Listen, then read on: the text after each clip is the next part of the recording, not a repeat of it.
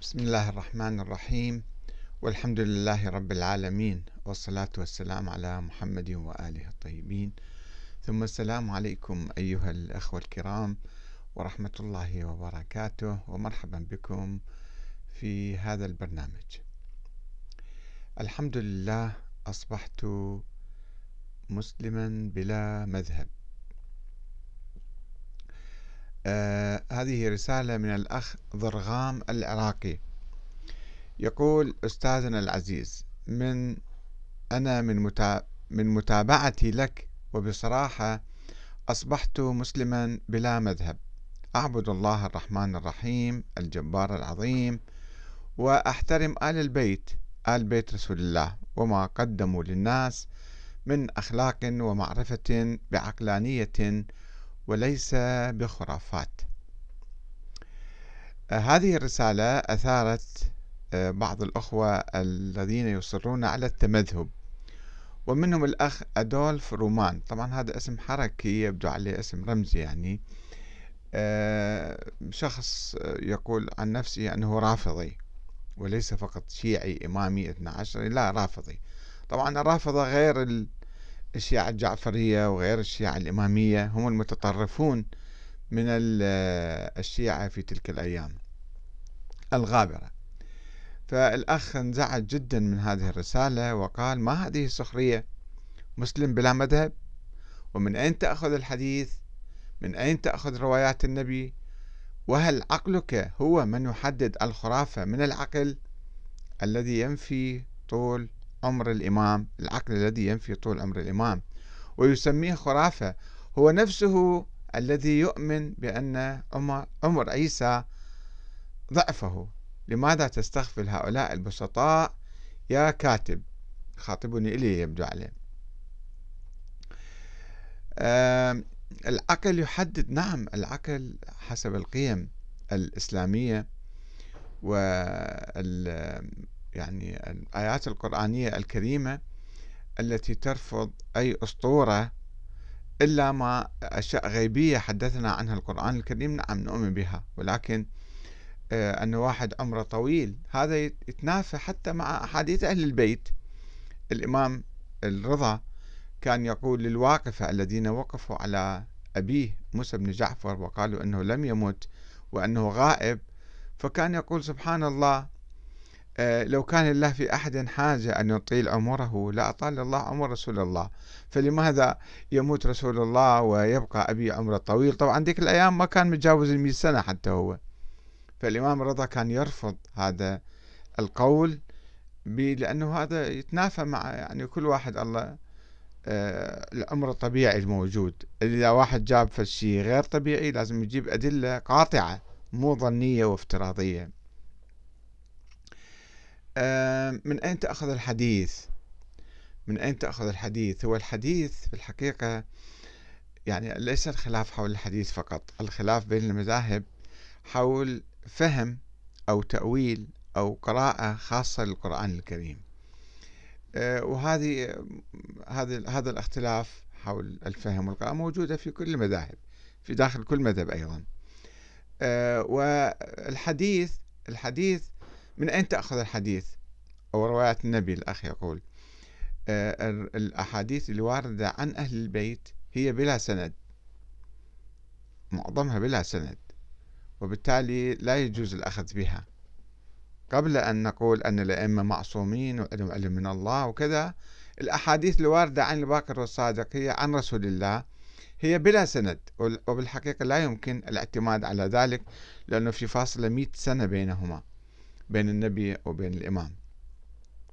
هذا أولا. وثانيا نفس الروايات الواردة عن الباقر والصادق عند الشيعة في في كتب الشيعة كتب الحديث الشيعية هي متناقضة يعني مختلفة في كل مسألة في عدة آراء. إما للتقية يقولون أن هذا الاختلاف الوارد في الأحاديث.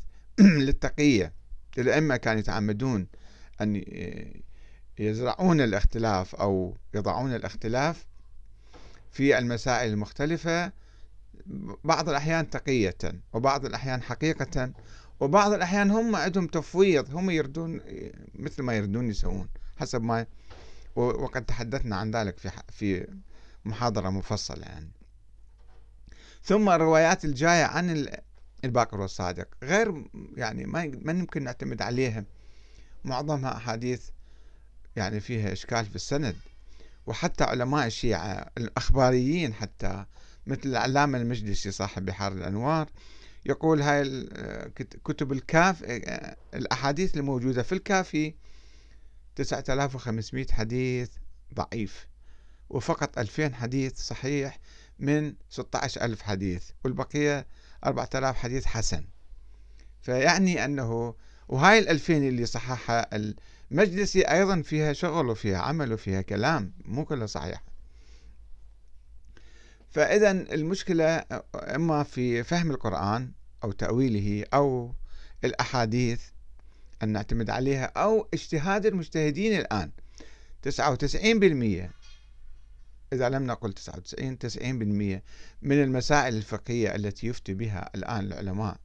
علماء الشيعة أو السنة هي مسائل ظنية اجتهادية جديدة لا يعتمدون فيها لا على القرآن ولا على أحاديث النبي أو أحاديث أهل البيت. فإذا المشكلة وين؟ خلينا نشوف وين المشكلة سنبحث الموضوع.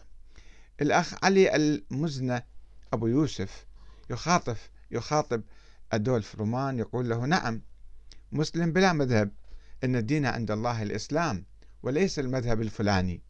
وهل المسلم بحاجة إلى لقب آخر أو شهادة أخرى يشهد بها أنه من ذلك المذهب أو, أو ذاك؟ فيجيبه أدولف يقول له من أين تأخذ الأحاديث؟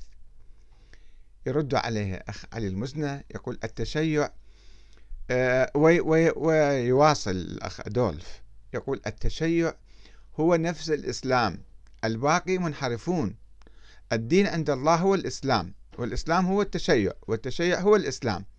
آل محمد ليسوا مذهب بل دين الإسلام العظيم والباقي هم المذاهب وهم المنحرفون.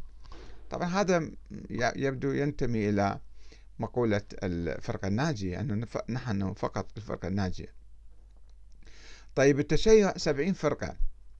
يا أخ أدولف التشيع في القرن الثالث الهجري حسب كتاب آه، آه، فرق الشيعة لنوبختي وكتب أخرى مثل المقالات والفرق لأسعد بن عبد الله ابن الأشعري القمي. الشيعة كانوا سبعين فرقة فأي تشيع؟ تشيع زيدي تشيع إمامي تشيع سياسي فقهي كذا واقفي فطحي إسماعيلي يعني خمسين تشيع. ثم ماذا يعني التشيع؟ التشيع هو الولاء السياسي. أين هم الأئمة حتى نواليهم اليوم؟ أم هم الفقه هو مسائل متعددة عديدة يعني مسائل ليست كثيرة.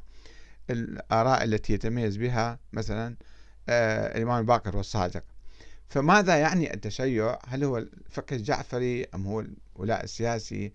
أم وكيف تجي تطير كل المسلمين دولة منحرفين؟ لماذا منحرفون؟ يصلون يصومون يعتقدون بالله بالنبي بالآخرة بكل شيء. فلماذا تكفرهم أو تخرجهم من الإسلام؟ على أي أساس؟ هذا تطرف في الحقيقة. الأخ يعبر عنه الآن.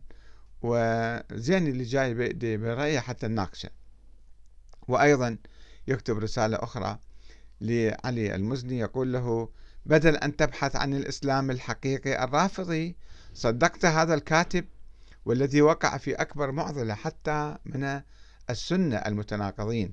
إنه تخلى عن الحديث ولا يستطيع أخذ أي حديث بل أصبح قرآنيا لا يؤمن بالحديث شاء أم أبى والقرآنيون مصيبة عقلية أخرى. في الحقيقة الإسلام موجود في القرآن وفي السنة النبوية المتواترة العملية. أما الأحاديث الأخرى فهي مسائل فرعية ظنية يعني لا تقدم كثيرا ولا تؤخر كثيرا مسائل بسيطة يعني بالحقيقة. السنة العملية نحن نأخذ بها وإلى جانب القرآن. آه، ولكن أنت تأخذ يعني آه، خرافات وأساطير ونظريات وفرضيات وتدسها في مذهب أهل البيت أو تدسها في الإسلام وتقول هذا هو الإسلام الصحيح. فقلت له الخلاف بين المذاهب ليس حول المسائل الفقهية فإن الضروري من تلك المسائل متفق عليه. بين جميع المذاهب. وأما الخلافات فهي حول الأمور الجزئية والهامشية والظنية والفرعية الصغيرة. ويختلف الفقهاء الشيعة والسنة فيما بينهم حتى داخل الشيعة وداخل السنة. مذاهب متعددة ومجتهدون متعددون. كل مجتهد عندنا بالشيعة هو مذهب خاص به. آه، فلكل مجتهد رأي معين يختلف فيه مع أقرانه من الشيعة أو السنة. وكل تلك الخلافات الفقهية لا تعتمد على القرآن والسنة الثابتة وعلى اجتهادات المجتهدين في المسائل الحادثة. تعتمد على اجتهادات المجتهدين في المسائل الحادثة. كما لا تشكل أهم خلاف بين ما يسمى الشيعة والسنة. وذلك لأن الخلاف الرئيسي بين الطائفتين كان حول نظام الحكم. وكيفية انتخاب الحاكم وما هي شروط الحاكم ومواصفاته معصوم لو مو معصوم معين لو مو معين. وقد اتفق عامة المسلمين اليوم تقريبا على النظام الديمقراطي وتخلوا عن نظرياتهم السابقة السنية والشيعية. أي تخلوا عن نظرية الإمام الإلهية ونظرية الخلافة. وفي الحقيقة أن المذهبية الطائفية هي بنت التقليد الأعمى. لأئمة المذاهب والمجتهدين الطائفيين. وإذا ما تركنا التقليد الأعمى وانتهجنا الاجتهاد كل واحد قال أنا أجتهد في عقيدتي وفي حتى المسائل الفقهية ولا سيما في العقائد. وإذا المسائل الفقهية الغامضة يسأل العلماء وسؤال العلماء عن الأدلة والبراهين. مو فقط يقول له شنو رأيك بكذا ويطلع قبل يروح لا لازم يسأله ما هو دليلك وعدم تقليد أي أحد تقليدا أعمى. إذا إحنا اتبعنا هذا المنهج فإننا سوف نسير في طريق لا مذهبية والوحدة الإسلامية في ظل العدل والحرية والديمقراطية. يجيبنا الأخ أدولف يقول سيرك في اللامذهبية يعني أنك لغيت الحديث فالمسلمون مختلفون حول المتعة حول وقت الإفطار حول التنجيس الكتابي حول بطلان الصلاة بالتكفير يعني واحد يتكتف حول غسل, غسل الرجلين. هذه أحكام تبطل أعمالا إلى يوم القيامة وتدخل النار بمنظار مذهب إلى آخر. فقولك بعدم اختلاف المذاهب فقهيا ضرب من الخيال فاختلافهم يرمي بعضهم بالنار فلا طريق لديك إما التمذهب وإما القرآنية. في الحقيقة هذا التطرف واحد يقول مسائل ظنية أو بسيطة. إذا واحد اختلف معايا فيها مثلا هذا راح يروح للنار هذا أنت يمكن تقول ذلك وهذا من التطرف والغلو. إذا كنت شوية معتدل وشوية هادئ أنه كل واحد اجتهاده والله يتقبل عمله يعني. سواء غسلت رجلك ولا مسحت رجلك تكتفت أو أسبلت ثم ماذا يعني؟ في مسائل في يمكن تعود بها القرآن يمكن تعود فيها حول وقت الإفطار. وقت الإفطار هذه روايات الشيعة متناقضة في ذلك. فأي أي رواية تأخذ؟ الروايات تخالف السنة تأخذ بها مثلا؟ هذا مو صحيح يا أخي العزيز. حتى المتعة مثلا هي ممكن واحد ينظر فيها بصورة مجتهدة بصورة اجتهادية كما فعلت أنا مثلا. أنا أخذت الموضوع بحث مستقل لا لم أعتمد لا على آراء السنة ولا على آراء الشيعة. بحث قرآني فوجدت أن هذا القرآن يبيح. وأما الأحاديث التي يدعى أنها تنسخ هذه الآيات آية المتعة وجدتها أحاديث ضعيفة ولا يمكن أن الحديث ينسخ القرآن. أدولف مرة أخرى يقول ولا أحد قال بالتقليد الأعمى للعقائد. يعني كل الناس يقلدون تقليد أعمى. وربما حتى أنت منهم يا أخي العزيز من تعرف. وخاصة نحن الروافض. أنت أنت تؤمن ماذا يعني الروافض؟ هذه نظرية الإمامة. هل أنت مثلا اجتهدت فيها أم قلدت فيها؟ يقول حيث في كتاب الشافعي للإمام المتكلم الكبير الشريف المرتضى آه، يقول إن الرافضي يسميه وهو لا أعتقد. ذلك لأنه لم يقل المرتضى لم يقل بالنص الجلي على الإمامة يقول النص الخفي يعني آه، يقول إن القارئ غير مسامح بالأخذ باحتجاجه على كتاب المغني وعلى القاضي المعتزلي اللي مؤلف كتاب المغني إلا إذا اقتنع. هذا صحيح. المرتضى يقول ذلك ولكن عامة الناس هم يقلدون. ومن التقليد نشأ نشأت المذهبية ومن الدكتاتورية نشأت المذهبية. يقول فقذف الروافض بهذه التهمة بهتان فليس هناك رافضي يقول بجواز تقليد آه، الأهل أو الأهل يعني أهل البيت فهذا بهتان منك على الإسلام عظيم. أنت تقلد تقلد حتى الإمام الصادق وهذا لا يجوز تقليده يجب أن تنظر قبل أن تقلده. فهل اجتهدت في مثلا حجية قول الباقر والصادق أرجو أن تسمعني وترد عليه بعد ذلك. وأنا عندي بحث مستقل نشرته قبل شهر تقريبا حول حجية آه، تفسير أهل البيت للقرآن بالذات الباقر والصادق. أو حجية قولهم هم معصومين هم مثلا مصدر تشريعي وهم آه، عندهم علم لدني. هذا كله منين جبته؟ هذا كله أول الكلام بحاجة إلى أن تجتهد فيه وأدعوك للاجتهاد في هذه النقطة. وإذا اجتهدت ربما تصبح مسلما بلا مذاهب. علي المزنى يجيب الأخ أدولف يقول له قبل كل شيء والذي نفسي بيده إنني أقدم نفسي فداء لإخواني الشيعة الذين أحبهم وعكس ذلك يكون إيماني ناقصا. نحن أمة محمد صلى الله عليه وسلم. بالنسبة لأحمد الكاتب له طريقه آه، خاصة في الكتابة. تختلف أو طريقة خاصة في الكتابة تختلف عن أي كاتب. بالنسبة للقرآنيين الذين ذكرت نحن نشاهد الآن وعلى أعلى المستويات من أهل السنة والشيعة التوجه لاستقبال الأحكام من القرآن وهذا الأمل في وحدتنا أيها الحبيب. فهنا يتدخل الأخ محمد الصقر يقول المنهج هو اتباع ما صح من الحديث وليس ما اتفقت عليه المذاهب. يا شيخ أحمد الكاتب. أنا أقول آه، بالحقيقة الحديث المتواتر ومسألة هذا الحديث صحيح أو غير صحيح هذا أيضا فيه كلام. كل مذهب يصحح ما يشاء من الأحاديث ويضعف آه، أحاديث أخرى. عبد الكريم قاسم الشرنخي يقول نجحت أخي خاطب هذا ضرغام العراقي يبدو. يقول نجحت أخي وأفلحت. بورك فيك وفي جناب الأستاذ. آه، صبار أحمد يقول غاية في الغباء. آه، محمد فياض يقول إن الذين فرقوا دينهم وكانوا شيعا لست منهم في شيء إنما أمرهم إلى الله ثم ينبئهم بما كانوا يفعلون. هنا يرد على آه، المتمسكين بالمذاهب. أحمد آه، عبد القادر يقول عندما تقول بلا مذهب بمعنى أنك مسلم بلا طريق واضح تسير في عماية الأستاذ أحمد الكاتب أسلوب النقد والمعارضة دون تبيان آه، طريق الحق والصواب والفرقة الناجية. ليس منهجا علميا وليس منهج الأنبياء. اصدع بالحق ولا تخشى لومة لائم. ما فهمت هو يرد ولا يؤيد لم أفهم جيدا كلامه. بعدين ليش يسير في طريق العماية؟ إذا واحد قال أنا مسلم وما أتبع يعني ما أقلد أنظر في كلام كل المذاهب والرأي اللي أشوفه صحيح أخذه سواء في العقائد أو في الفقه. إذا أنا ما قلدت أنا امتزجت واندمجت مع إخواني من جميع المذاهب.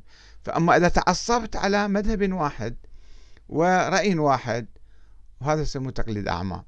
إذا إحنا اجتهدنا سوف نتحرر من المذهبية ونكون لا مذهبيين. لا مذهبيين يعني نفكر في كل شيء. الأخ وليد عزيز يقول الاعتماد على المرويات يلغي عقلك ويجعلك ترى الحاضر بعيون الموتى. زياد الأعظمي يقول كل مذهب ينقسم لعقيدة ومعاملات وجل الخلاف في العقيدة والأكثر العام من المعاملات متفق عليه. والعقيدة ما هي؟ هي النظام السياسي والفكر الدستوري. أن الحكم يعني هاي العقيدة المختلفين عليها بالحقيقة ويسموها عقيدة أن الحكم لهاي العائلة أو لتلك العائلة للعباسيين أو للعلويين للأمويين أو لل ما أدري منه عثمانيين رحيم رحيم يقول ليس كافيا أخي ضرغام فالاختلاف لم يحدث اليوم بين المذاهب بل الاختلاف حدث زمن النبي الأكرم صلى الله عليه وآله. بين المسلمين والنبي يعلم بذلك لذلك أرشد المؤمنين أو المسلمين إلى أين يتجهون؟ فقال علي مع الحق والحق مع علي وإلى يومنا هذا. الاختلاف نفس الاختلاف فانظر وتبين. يعني علي مع الحق وأنا مع علي إن شاء الله.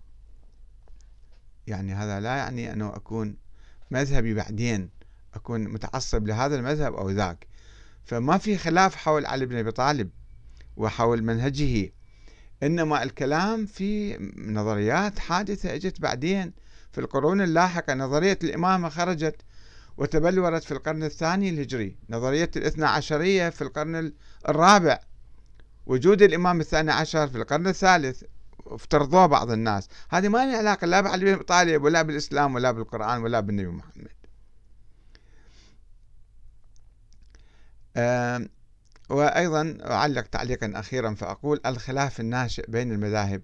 يعود إما إلى فهم أو قراءة أو تأويل آيات من القرآن الكريم مثل آية الوضوء والمسح على الرجلين أنه نمسح الرجلين لو نغسل الرجلين أو إلى أحاديث نبوية مختلف فيها مثل نسخ آية المتعة أو أحاديث مروية عن أئمة أهل البيت.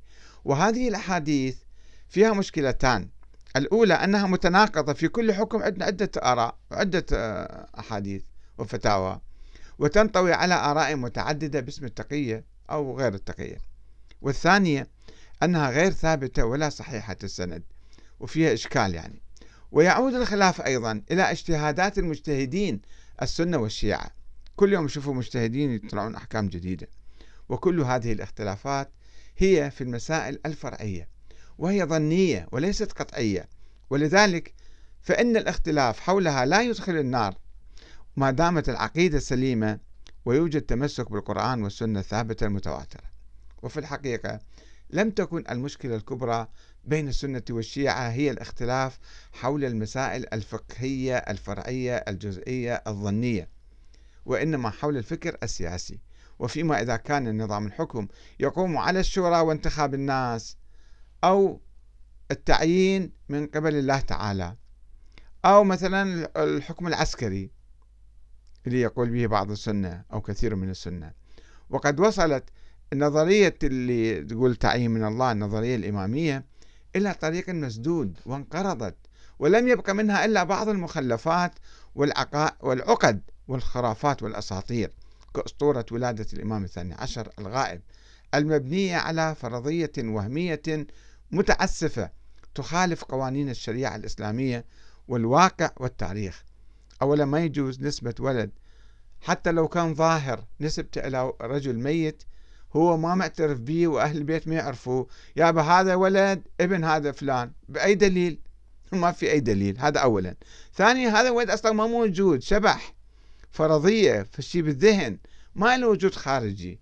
وكلام سري باطني أكو ناس إجوا مشبوهون ادعوا أنه هناك ولد وهم نوابه وعمره خمس سنين شلون أعطاهم نيابة؟ بعد هو يعني لا ليس مكلفا ولا يصلي ولا يصوم ولا يعرف أي شيء. كيف أصبح إمام الأمة الإسلامية وأعطى وكالة لهؤلاء الدجالين الأربعة اللي يسموهم النواب الخاصين أربعة؟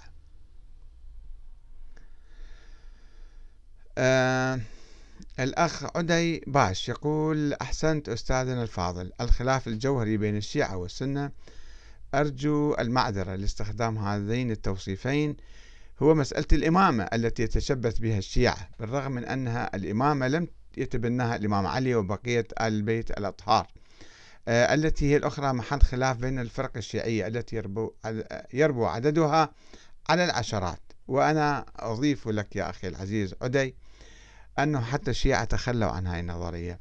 الآن الشيعة لا إمامية ولا اثنا عشرية مسلمون ديمقراطيون. يؤمنون بأن الإمامة من اختيار الناس. وبالبرلمان أو بصورة مباشرة ينتخبون رئيس الجمهورية أو القائد أو رئيس الوزراء أو أي واحد مسؤول آخر.